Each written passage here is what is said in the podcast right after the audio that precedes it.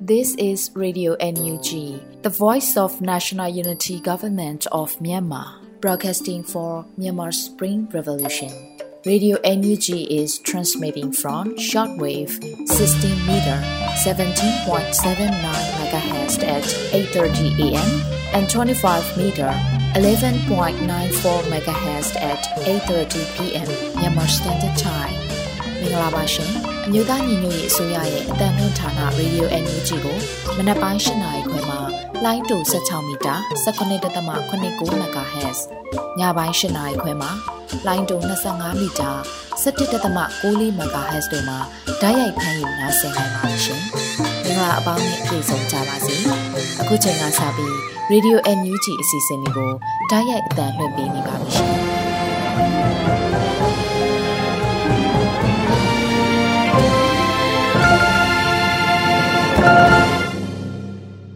မြန်မာနိုင်ငံသူနိုင်ငံသားအပေါင်းတဘာဝဘေးစစ်အာဏာရှင်ပြီးတို့ကနေကင်းဝေးပြီးကိုစိတ်နှပါအေဂျင့်လုံခြုံကြပါစေလို့ Radio NUG ဖွဲ့သူဖွဲ့သားများကနှုတ်ခေါ်ဆက်တာအပ်ပါတယ်။ခုချိန်ကစပြီးကာကွယ်ရေးဝန်ကြီးဌာနရဲ့စီရေးသတင်းအကျဉ်းချုပ်ကိုຫນွေဦးမှုကဖတ်ကြားတင်ဆက်ပေးပါမယ်ရှင်။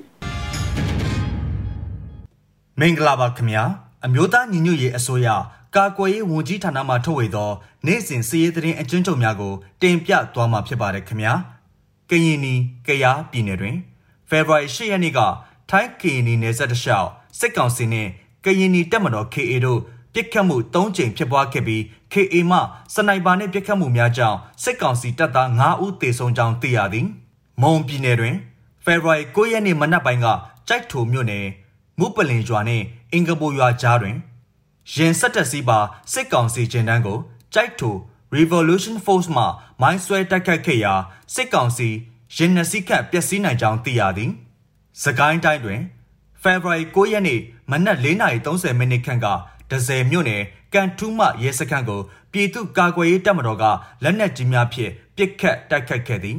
။ဖေဖော်ဝါရီ9ရက်နေ့မနက်9:30မိနစ်ခန့်ကမြင်းမှုမြို့နယ်ကြာပင်လှကျေးရွာမှလာသောစစ်ကောင်စီအင်အား90ခန့်ကို TTR LPDF မြောင်ကမိုင်းဆွဲတိုက်ခဲ့သည်ဖေဖော်ဝါရီ9ရက်နေ့မနက်တနာရီခန့်ကမင်းကင်းမြို့နယ်စနပြင်းကျေးရွာရှိစစ်ကောင်စီတပ်သားများကို MKPDF B/3 တက်ခွဲ1ပျောက်ကြားတက်စိတ်နှစ်မှဝင်ရောက်တိုက်ခတ်ခဲ့ရာစစ်ကောင်စီတပ်သား3ဦးသေဆုံးပြီး2ဦးဒဏ်ရာရရှိခဲ့သည်စစ်ကောင်စီဘက်မှ MA2 စက်ကလေးတလက်ကာပိုင်တလက်တင်စီရမိခဲ့သည်ဖေဖော်ဝါရီ9ရက်နေ့က မင်းကင်းမြို့နယ်မင်းကင်းကျေးရွာနှင့်ဖက်ခတ်ကျေးရွာအနီးတွင်စစ်ကောင်စီတပ်သားပြူစောထီးများနှင့်ဒေသကာကွယ်ရေးတပ်သားများအကြားထိတွေ့တိုက်ပွဲဖြစ်ပွားခဲ့ရာစစ်ကောင်စီတပ်သားနှင့်ပြူစောထီး10ဦးကြာဆုံးပြီးအလောင်းများကိုပန်းဆက်ကျေးရွာသို့ဆက်လီများဖြင့်တည်ဆောင်သွားခဲ့သည်ဖေဖော်ဝါရီ10ရက်နေ့နေ့လယ်ပိုင်းကရွှေဘိုမြို့နယ်တီးလုံးကျေးရွာတွင်တပ်ဆွဲထားသောစစ်ကောင်စီတပ်သားများကိုပြည်သူ့ကာကွယ်ရေးအဖွဲ့ရွှေဘို CNT ရွှေဘို Snake Eyes Fighter 1များပူးပေါင်းပြီး drone ဖြင့်9ကြိမ်တွားရောက်တိုက်ခတ်ခဲ့သည်မကွေးတိုင်းတွင်ဖေဖော်ဝါရီ10ရက်နေ့ည8:30မိနစ်ခန့်ကဂန့်ဂေါမြို့နယ်မြောက်ခင်ရန်ရွာရှိပြူစောတိတနန်ပေးလျက်ရှိသောနေရာသို့ဂန့်ဂေါ PDF မှလက်နက်ကြီးဖြင့်၃ချက်ပစ်ခတ်ခဲ့သည်ပဲခူးတိုင်းတွင်ဖေဖော်ဝါရီ10ရက်နေ့ညပိုင်းကအုတ်ဖိုမြို့နယ် ပဲခူးရုံးမှတလွားတွင်စကန်းချလှုပ်ရှားနေသည့်ပြူစောတိစကန်းတစ်ခုကိုဒေသကာကွယ်ရေးအဖွဲ့ကဝင်တိုက်ခဲ့ပြီးပြူစောတိ9ဦးသေဆုံးခဲ့သည်ဆက်လက်ပြီးစစ်ကောင်စီကျွလွန်သောရာဇဝတ်မှုများကို တင်ပြသွားမှာဖြစ်ပါတယ်ခင်ဗျာကချင်ပြည်နယ်တွင်ဖေဖော်ဝါရီ10ရက်နေ့ည10:00နာရီခန့်ကပူတာအိုမြို့ရှိ လူမှုရင်းနှင့်ဒေတာဖွံ့ဖြိုးရေးစ조사နေသောရဝမ်လူငယ်ခေါင်းဆောင်ကိုစစ်ကောင်စီတပ်မှလာရောက်ဖမ်းဆီးခေါ်ဆောင်သွားကြောင်းသိရသည် မန္တလေးတိုင်းတွင်ဖေဖော်ဝါရီ10ရက်နေ့ကကြောက်စင်မြို့နယ်ဖျောက်စိတ်ပင်တိုက်နယ်စေယုံရှိတွင်စိုက်ကယ်တားသည်ကိုမရက်ပေးသဖြင့်ဒေသခံတအုပ်ကိုစစ်ကောင်စီတပ်သားများကတနက်ဖြင့်ပစ်တက်ခဲ့သည်ရန်ကုန်တိုင်းတွင်ဖေဖော်ဝါရီ9ရက်နေ့မနက်10:00နာရီခန့်ကမြောက်တကုံမြို့နယ်ဘုံမူပထူလမ်းပေါ်ရှိ360စီဆိုင်နှင့်ဘာတူးအင်ယာနာတွင်စစ်ကားရှိတွင်လက်သုံးချောင်းထောင်ဆန္ဒပြစဉ်အသက်28နှစ်အရွယ် ကိုကောင်းထပ်ပိုင်ကိုစစ်ကောင်စီတပ်သားများကပြစ်တက်ခဲ့သည်ဟုတ်ကဲ့ပါယခုတင်ဆက်ခဲ့တာကတော့အမျိုးသားညီညွတ်ရေးအစိုးရကာကွယ်ရေးဝန်ကြီးဌာနမှထုတ်ဝေသောနေ့စဉ်စည်ရေးသတင်းအကျဉ်းချုပ်များပဲဖြစ်ပါတယ်ခင်ဗျာကျွန်တော်ຫນွေဦးမိုးပါ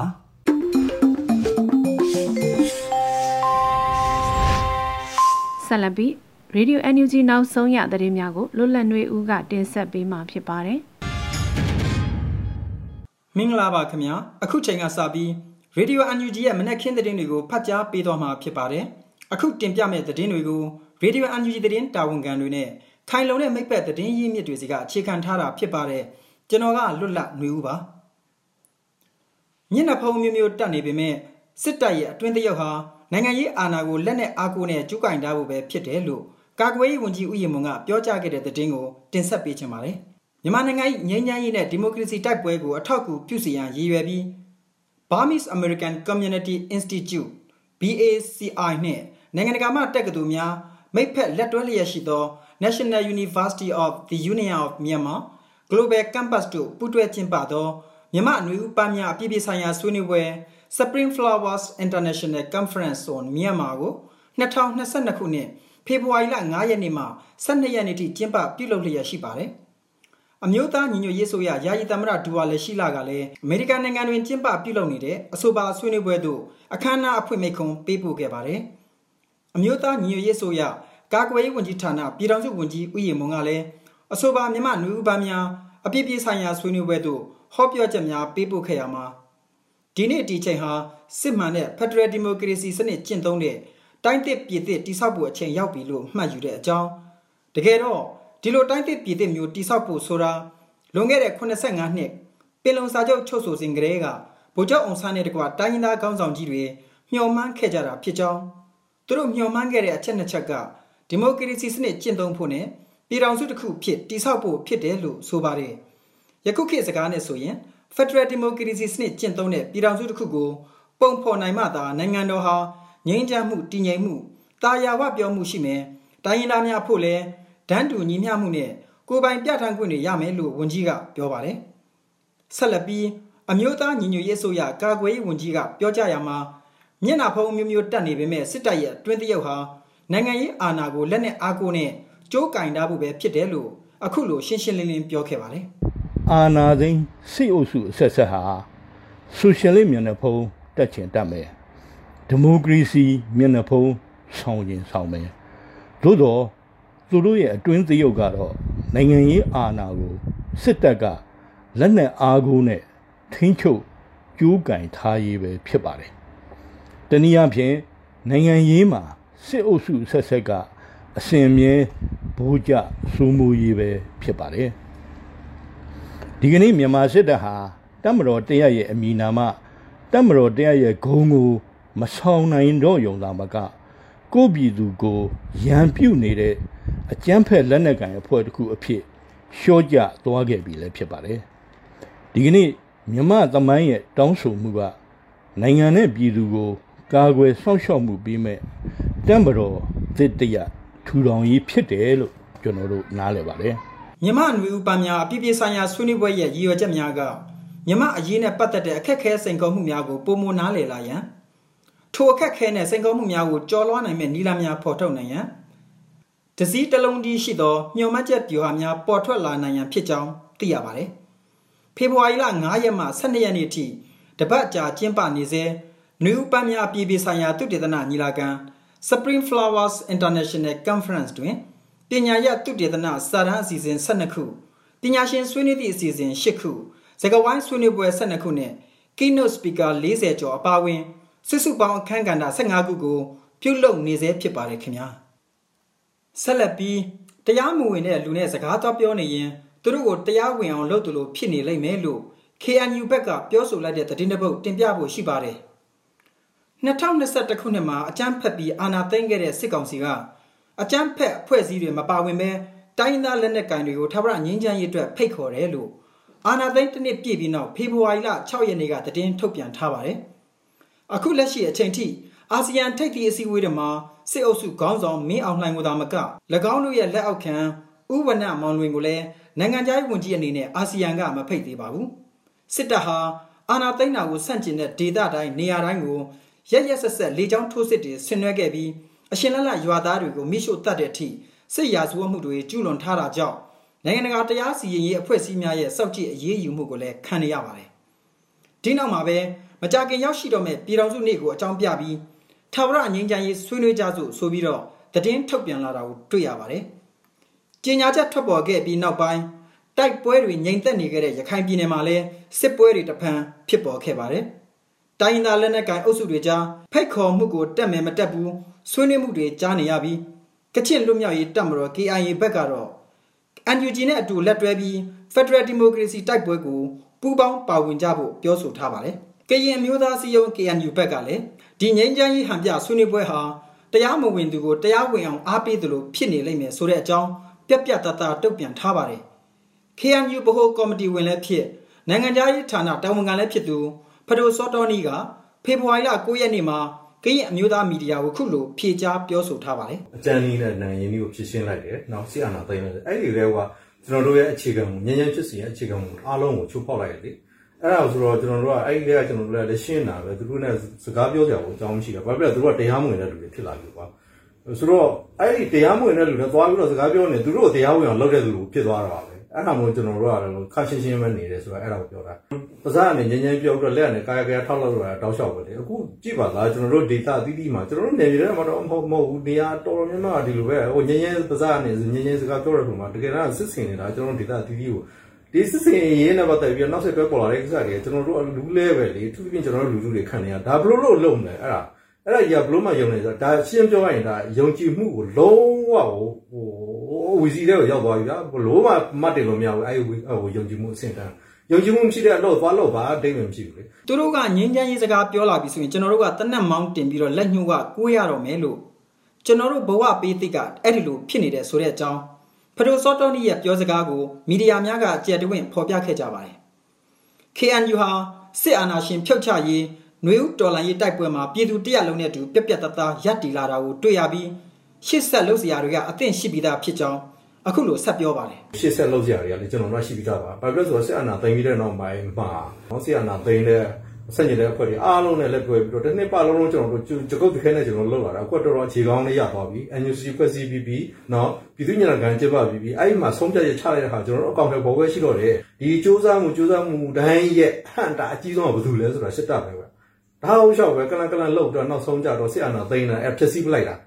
အဲ့ဒီဟာကိုမဖြစ်မဖြစ်အောင်သူကဒီလိုလှုပ်ချင်းအဖြစ်ကျွန်တော်တို့ကသူဒီဒီဒီလူတွေကယဉ်နေတယ်ပဲ ကျွန်တော်တို့ငြိမ်းချမ်းရေးရန်သူပဲကျွန်တော်တို့ Federal Democracy ရဲ့ရန်သူပဲအဲ့ဒီရန်သူကိုကျွန်တော်ရှင်းထုတ်မှတာဝန်ရှိတယ်သူတို့တွေမရှိတော့မှပဲကျွန်တော်တို့လိုချင်တဲ့ငြိမ်းချမ်းရေးကျွန်တော်တို့လိုချင်တဲ့ Federal Democracy ကိုထောက်အောင်ပြုနေသွားလို့ရမယ်ကရင်ဒေါ်လာရေးဟာလွန်ခဲ့တဲ့ဇန်နဝါရီလ31ရက်နေ့မှာ83နှစ်မြောက်ပြည့်ခဲ့ပြီဖြစ်ပါတယ်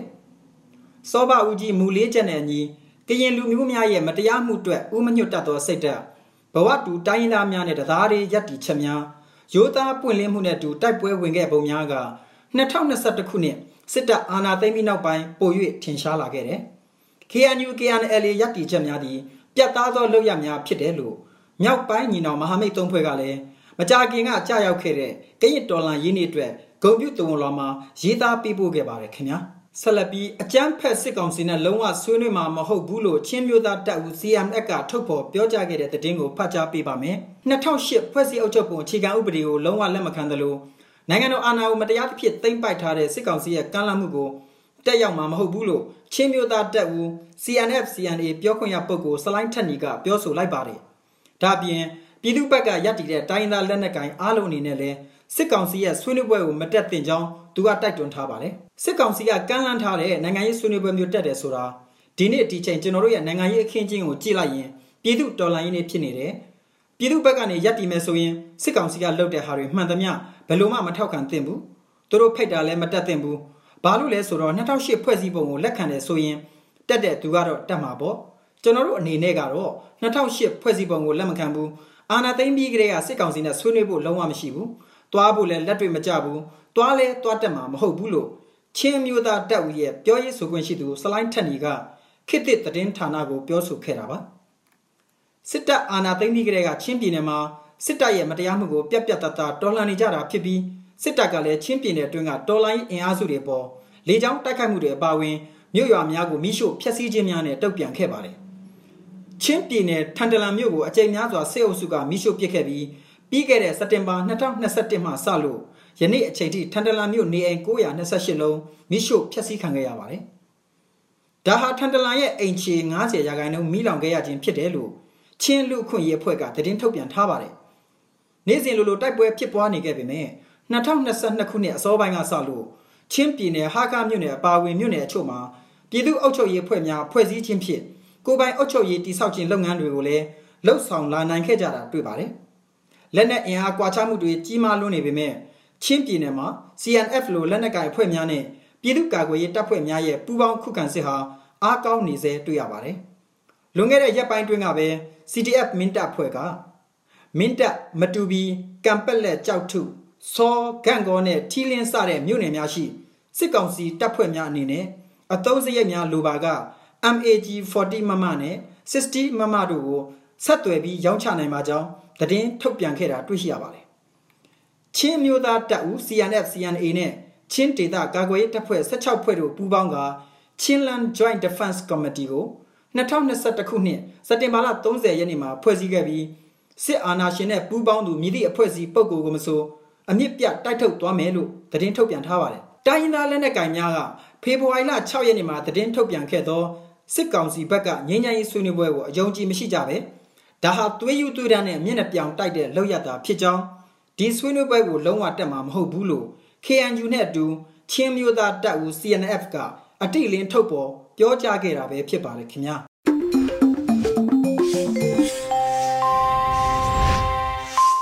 ရေဒီယို NUG မှဆက်လက်အသံလွှင့်နေပါတယ်ပြည်သူခုခံတော်လှန်စစ်တရင်များကိုကျော်နွေဦးကတင်ဆက်ပေးပါမယ်ရှင်ပထမဆုံးအနေနဲ့တင်ဆက်မှာကတော့ဖအံဂျိုးပင်စိတ်ရှိစစ်ကောင်စီတပ်နဲ့ BGF ပူးပေါင်းတပ်စခန်းကို KNL ဝင်တိုက်ရာစစ်ကောင်စီဘက်မှ၄ဦးတေဆုံးပြီးစခန်းစွန့်ခွာထွက်ပြေးတဲ့တရင်ပါကရင်မျိုးသားအစည်းအရုံး KNU တပ်မဟာ1နယ်မြေဖအံမြို့နယ်ဂျိုးပင်စိတ်ရွာရှိအကြမ်းဖက်စစ်ကောင်စီတပ်နဲ့ကရင်နယ်ကြားစောင့်တပ် BGF အမှတ်1314တပ်ရင်းပူးပေါင်းအင်အား30ခန့်ရှိသောစခန်းကို KNL တပ်မဟာ1တပ်ဖွဲ့ကဖေဖော်ဝါရီလ9ရက်နနက်9နာရီခွဲမှာဝင်ရောက်တိုက်ခိုက်ခဲ့ပြီးစစ်သား၄ဦးသေဆုံးတက်ခွဲမှုအပါအဝင်၄ဦးဒဏ်ရာရကြောင်းသတင်းရရှိပါရယ်။ကရင်မျိုးသားလွတ်မြောက်ရေးတပ်မတော် KNL ကဝင်ရောက်တိုက်ခိုက်ပြီးနောက်အကြအဆုံးများတဲ့ဂျိုးပင်စိတ်စခန်းမှာစစ်သားများဟာဖေဖော်ဝါရီလ10ရက်နနက်မှာစခန်းကိုစွန့်ခွာပြီး မိထီလာရွာဘက်သို့ထွက်ပြေးသွားကြောင်း KNU ကသတင်းထုတ်ပြန်ပါတယ်။ KNL ကဂျိုးပင်စိတ်စခန်းကိုဝင်ရောက်တိုက်ခိုက်စဉ်မှာစစ်ကောင်စီတပ်ဖွဲ့၏ပြန်လည်ရန်တမ်းပစ်ခတ်မှုကြောင့်ဆိုင်ကယ်စီးခီးသွားပြည်သူတအူကြည်စံထိမှန်ပြီးပြင်းထန်စွာဒဏ်ရာရကြောင်းလက်ရှိအချိန်မှာ KNL ကစေဝါကုသပေးထားကြောင်းသိရှိရပါတယ်။စစ်ကောင်စီလက်အောက်ခံ BGF နှင့်ဝန်ထမ်းများဖအံမြို့နယ်မှနှုတ်ထွက်ထွက်ခွာသွားကြရန် KNU တပ်မဟာ1ကတရားဝင်ကြေညာချက်ထုတ်ပြန်သတိပေးထားပြီးဖြစ်ပါတယ်။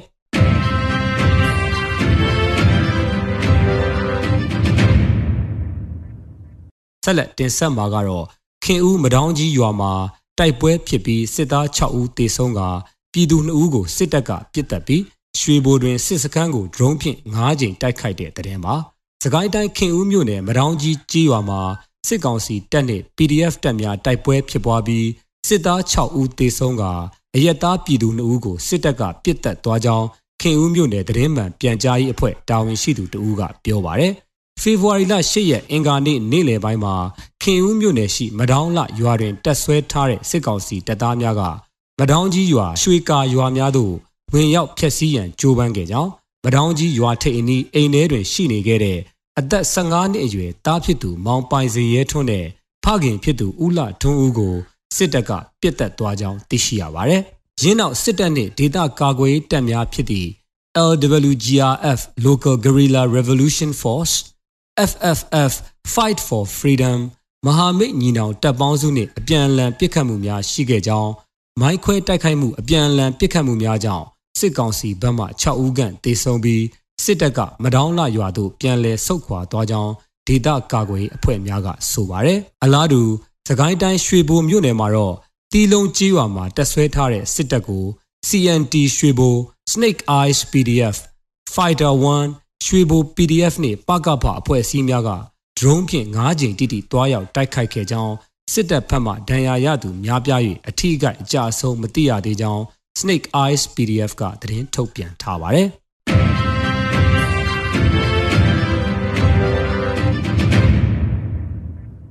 နောက်ဆုံးအနေနဲ့အမျိုးသားညီညွတ်ရေးအစိုးရပြည်ထရေးနဲ့လူဝင်မှုကြီးကြပ်ရေးဝန်ကြီးဌာနက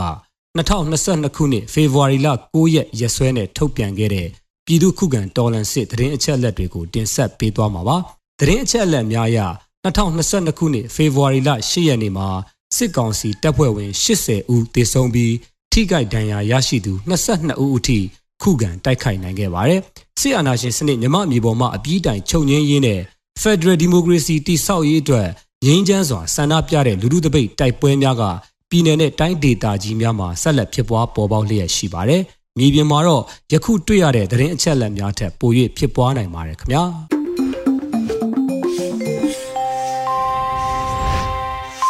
ခုဆက်လက်ပြီး PPTV နေ့စဉ်သတင်းများကိုမျိုးတော်တာကတင်ဆက်ပေးမှာဖြစ်ပါတယ်ရှင်။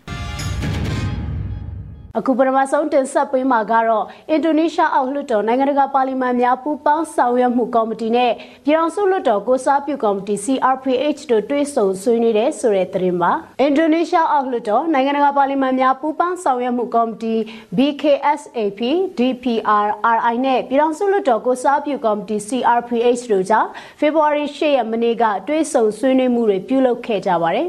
နိုင်ငံလွှတ်တော်အမတ်တွေကမြန်မာဒီမိုကရေစီနဲ့ငြိမ်းချမ်းရေးအပေါ်နောက်ဆုံးအခြေအနေများဆွေးနွေးခြင်းကောင်းစဉ်နဲ့တွေ့ဆုံဆွေးနွေးခဲ့ကြတာလည်းဖြစ်ပါတယ်။ ဆွေးနွေးပွဲမှာမြန်မာနိုင်ငံမှာဖြစ်ပေါ်နေတဲ့အခြေအနေတွေ COVID-19 ကာကွယ်ထိန်းချုပ်ရေးလုပ်ငန်းများအခြေအနေနဲ့လူသားချင်းစာနာထောက်ထားမှုဆိုင်ရာကိစ္စရပ်တွေ CRPH နဲ့အင်ဒိုနီးရှားအောက်လွှတ်တော်နိုင်ငံတကာပါလီမန်များပူးပေါင်းဆောင်ရွက်မှုကော်မတီ BKSAB DPR RI တို့ကြားဆက်လက်ပူးပေါင်းဆောင်ရွက်မယ့်ကိစ္စရပ်တွေကိုဆွေးနွေးခဲ့ကြပါတယ်။ဒါအပြင်အင်ဒိုနီးရှားနိုင်ငံရဲ့ဒီမိုကရေစီအသွင်ကူးပြောင်းရေးသင်ခန်းစာတွေကိုအခြေခံပြီးဒီမိုကရေစီလိုလားတဲ့မြန်မာပြည်သူတွေကရွေးကောက်ထားတဲ့လွှတ်တော်ကိုယ်စားလှယ်များအားပံ့ပိုးကူညီပြီးမြန်မာနိုင်ငံရဲ့အကြက်အတဲကိုကူညီသွားမှာဖြစ်တယ်လို့လည်းထည့်သွင်းပြောကြားခဲ့ပါတယ်။ အစည်းအဝေးကိုပြည်ထောင်စုလွှတ်တော်ကိုစားပြုကော်မတီရဲ့ဥက္ကဋ္ဌဦးအောင်ကြည်ညွန့်ကော်မတီအဖွဲ့ဝင်တွေနိုင်ငံတကာဆက်ဆံရေးကော်မတီဥက္ကဋ္ဌနဲ့အဖွဲ့ဝင်တွေတက်ရောက်ခဲ့ကြပြီးအင်ဒိုနီးရှားအောက်လွှတ်တော်နိုင်ငံတကာပါလီမန်များပူးပေါင်းဆောင်ရွက်မှုကော်မတီ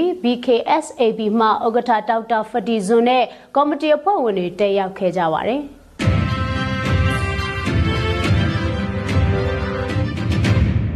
ရာဝန်နဲ့ကျန်းမာရေးဝန်ထမ်းတွေကိုဖိနှိပ်မှုတွေလုပ်နေတဲ့အကြမ်းဖက်စစ်ကောင်စီလက်ပါစိန်မြန်မာနိုင်ငံစေးကောင်စီရဲ့တာဝန်ရှိတဲ့သူတွေကိုအရေးယူမယ်လို့ Federal ကျန်းမာရေးပညာရှင်များကောင်စီ FHPC က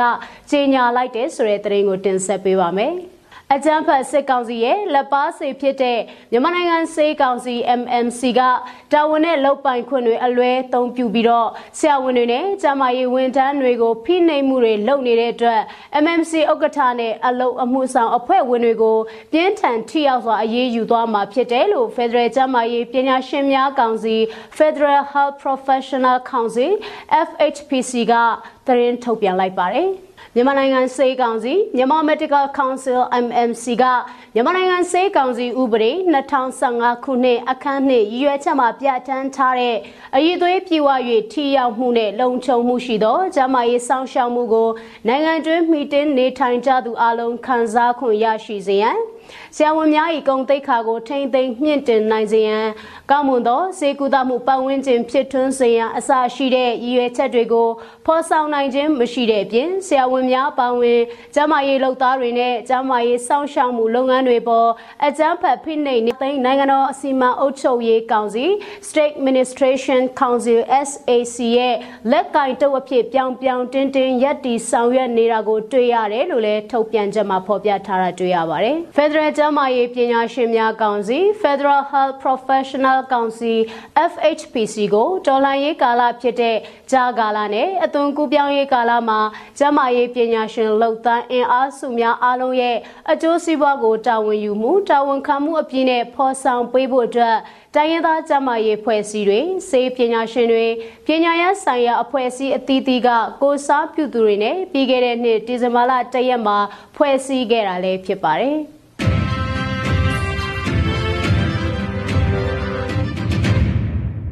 စစ်အာဏာရှင်ကိုတော်လှန်တဲ့ຫນွေဦးတော်လှန်ရေးမှာကြာဆုံးသွားခဲ့ရသူတွေ1519ဦးအထိရှိထားပြီလို့နိုင်ငံရေးကျင်းသားများကူညီဆောင်ရှောက်ရေးအသင်း AAPP ကထုတ်ပြန်လိုက်တဲ့ဆိုတဲ့သတင်းကိုတင်ဆက်ပေးပါမယ်။ စစ်အာဏာရှင်ကိုအသက်ပေးပြီးတော်လှန်နေကြတဲ့ຫນွေဦးတော်လှန်ရေးမှာကြာဆုံးသွားခဲ့ရသူတွေက1519ဦးအထိရှိထားတယ်လို့နိုင်ငံရေးအကျဉ်းသားများကူညီဆောင်ရှောက်ရေးအသင်း AAPP ကဖေဖော်ဝါရီ၄ရက်ထုတ်ပြန်တဲ့စာရင်းမှာဖော်ပြထားတာပါ။ မန္တလေးတိုင်းဒေသကြီးဝမ်တွင်းမြို့နယ်စကိုင်းတိုင်းဒေသကြီးစကိုင်းမြို့နယ်နဲ့မြင်းမူမြို့နယ်ချင်းပြည်နယ်ကံပလက်မြို့နယ်တို့ကအပြစ်မဲ့ပြည်သူ6ဦးရဲ့အချက်လက်တွေကိုဖေဖော်ဝါရီ၄ရက်မှာကောက်ယူရရှိထားပြီးတော့အဲ့ဒီစာရင်းတွေပေါင်းလိုက်ရင်1519ဦးအထိရှိထားတယ်လို့ AAPP ကဖော်ပြထားတာပါ အတီးပြုလို့ရတဲ့စရင်ကိုသာဖော်ပြထားတာဖြစ်ပြီးအတီးမပြုနိုင်သေးပဲအခြားအကြဆုံးတဲ့လူတွေလည်းရှိနေအောင်ပဲလို့ AAPP ကဆိုပါတယ်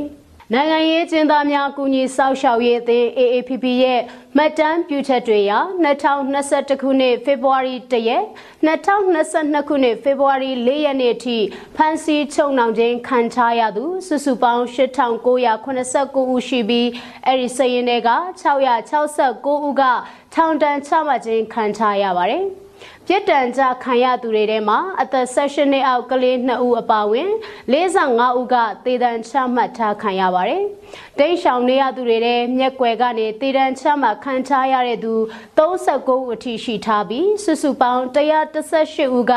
မျက်ွယ်ပြစ်ဒဏ်ချမှတ်ခြင်းခံထားရတာပါ။ ဒါအပြင်ဖောင်းဝရန်ထုတ်ချင်းခံထားရလို့တိန်းရှောင်နေသူ1984ဦးအထိရှိထားပါတယ်။လွတ်မြောက်လာသူဦးရေအတိအကျနဲ့အမည်စရင်းကိုချက်ချင်းရရှိဖို့လက်လန်းမမီတဲ့အတွက်အတီးပြုနိုင်ဖို့လိုအပ်နေဆဲဖြစ်ပြီးအတီးပြုနိုင်မဲ့စရင်းတွေကိုလည်းဆက်လက်ဖော်ပြသွားမှာဖြစ်တယ်လို့ AAPP ကဖော်ပြထားတာတွေ့ရပါတယ်။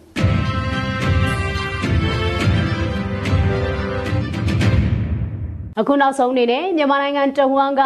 လူမျိုးပေါင်းစုံဘာသာပေါင်းစုံပါဝင်တဲ့စစ်အာဏာရှင်အမြင့်ပြတ်ချင်းမုံရိပ်လူထုဆန္ဒပြပွဲသတင်းတွေကိုစူးစီးတင်ဆက်ပေးမှာဖြစ်ပါတယ်။စကိုင်းတိုင်းရင်းမပင်အရှိချမ်းနဲ့စလင်းကြီးမြောက်ချမ်းရွာပေါင်းစုံဆီယနာရှင်စန့်ကျင်ရေး336ရက်မြောက်နေ့တပိတ်ကိုဒီနေ့ဖေဖော်ဝါရီ9ရက်နေ့မှာချီတက်ခဲ့ကြတာဖြစ်ပါတယ်။ဒီပဲရင် PDF ကမမြသွဲ့သွဲ့ခိုင်ကြာဆုံးတာတနစ်ပြည့်တဲ့နေ့ဖြစ်ဆန္ဒပြခဲ့ကြပါတယ်။ ငါတို့အားလုံးသည်မြသွဲသွဲခိုင်ကိုရဲ့နှစ်လ2021တပွတ်တွေကတပင်လုံးဝေသည်ဒါငါတို့ပြည်ဆိုတဲ့စာသားကိုကိုင်းဆောင်ပြီး Free Rangers Rebellion PDF ကဆန္ဒပြခဲ့ကြတာပါ ရန်ကုန်မြို့ရွှေပောက်ကံမြို့နယ်ကအာနာရှင်ကိုတော်လှန်နေတဲ့လူငယ်တွေကလည်းအာထက6ရွှေပောက်ကံကျောင်းရှိမှာအာနာရှင်တော်လှန်ရေးစာသားတွေချိတ်ဆွဲတာစိတ်နေပက်ဖြန်းတာစာရွက်ကျဲတာတွေလုပ်ခဲ့ကြပါတယ်။ကျောင်းဝင်ပေါက်တကားမှာတော်လှန်မလားဂျုံခံမလားဆိုတဲ့အာနာရှင်တော်လှန်ရေးစာသားတွေချိတ်ဆွဲဆန္ဒပြခဲ့ကြတာပါ။ ဆီယနာရှင်ကြာရှုံးရေး Federal Democracy ပြည်ထောင်စုပေါ်ပေါက်ရေးအတွက်မန္တလေးမြို့လမ်းမကြီးတနေရာမှာပြည်ကြီးတခွန်တပိတ်အင်အားစုကဆီယနာရှင်စန့်ကျင်ရေးတပိတ်မှောက်ဆန္ဒပြမှုကိုဒီနေ့မနေ့မှာပြုလုပ်ခဲ့ကြပါတယ်။ ဘေလုံကတိကဝဲအရင်တီဖက်ဒရယ်ပြည်ထောင်စုသစ်ရဲရဲချီဆိုတဲ့စာသားကိုကင်ဆောင်ပြီးဆန္ဒပြတပိတ်မှောက်ခဲ့ကြပါတယ်။ဒါကတော့ဖေဖော်ဝါရီလ9ရက်နေ့ဆီယနာရှင်မြစ်ပြတ်ချင်းမုံရီလူထုဆန္ဒပြပွဲသတင်းတွေကိုစူးစီးတင်ဆက်ပေးခဲ့တာပဲဖြစ်ပါတယ်။ကျေးဇူးတင်ပါတယ်ရှင်။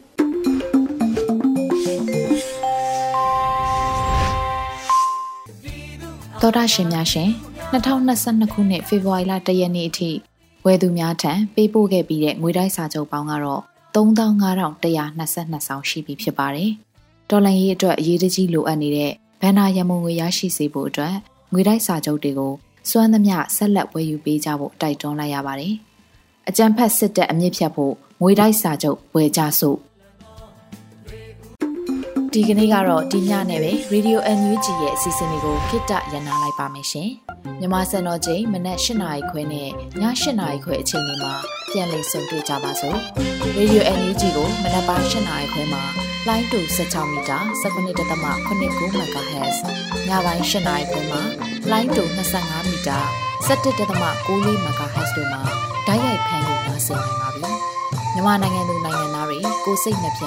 ကျန်းမာချမ်းသာလို့ဘေးကင်းလုံခြုံကြပါစေလို့ Radio NUG အဖွဲ့သူဖွဲ့သားတွေကဆုတောင်းမြတ်တာပို့တာလိုက် ရပါတယ်ရှင်။မြေသားညီမတွေအစိုးရရဲ့စက်သွေးရေးသတင်းအချက်အလက်တွေလူပညာဝန်ကြီးဌာနကထုတ်လွှင့်နေတဲ့ Radio NUG ဖြစ်ပါတယ်။ San Francisco Bay Area အခြေစိုက်မြန်မာမိသားစုတွေနဲ့နိုင်ငံတကာကစေတနာရှင်လို့အားပေးနေတဲ့ Radio NUG ဖြစ်ပါတယ်။အရေးတော်ပုံအောင်ရမည်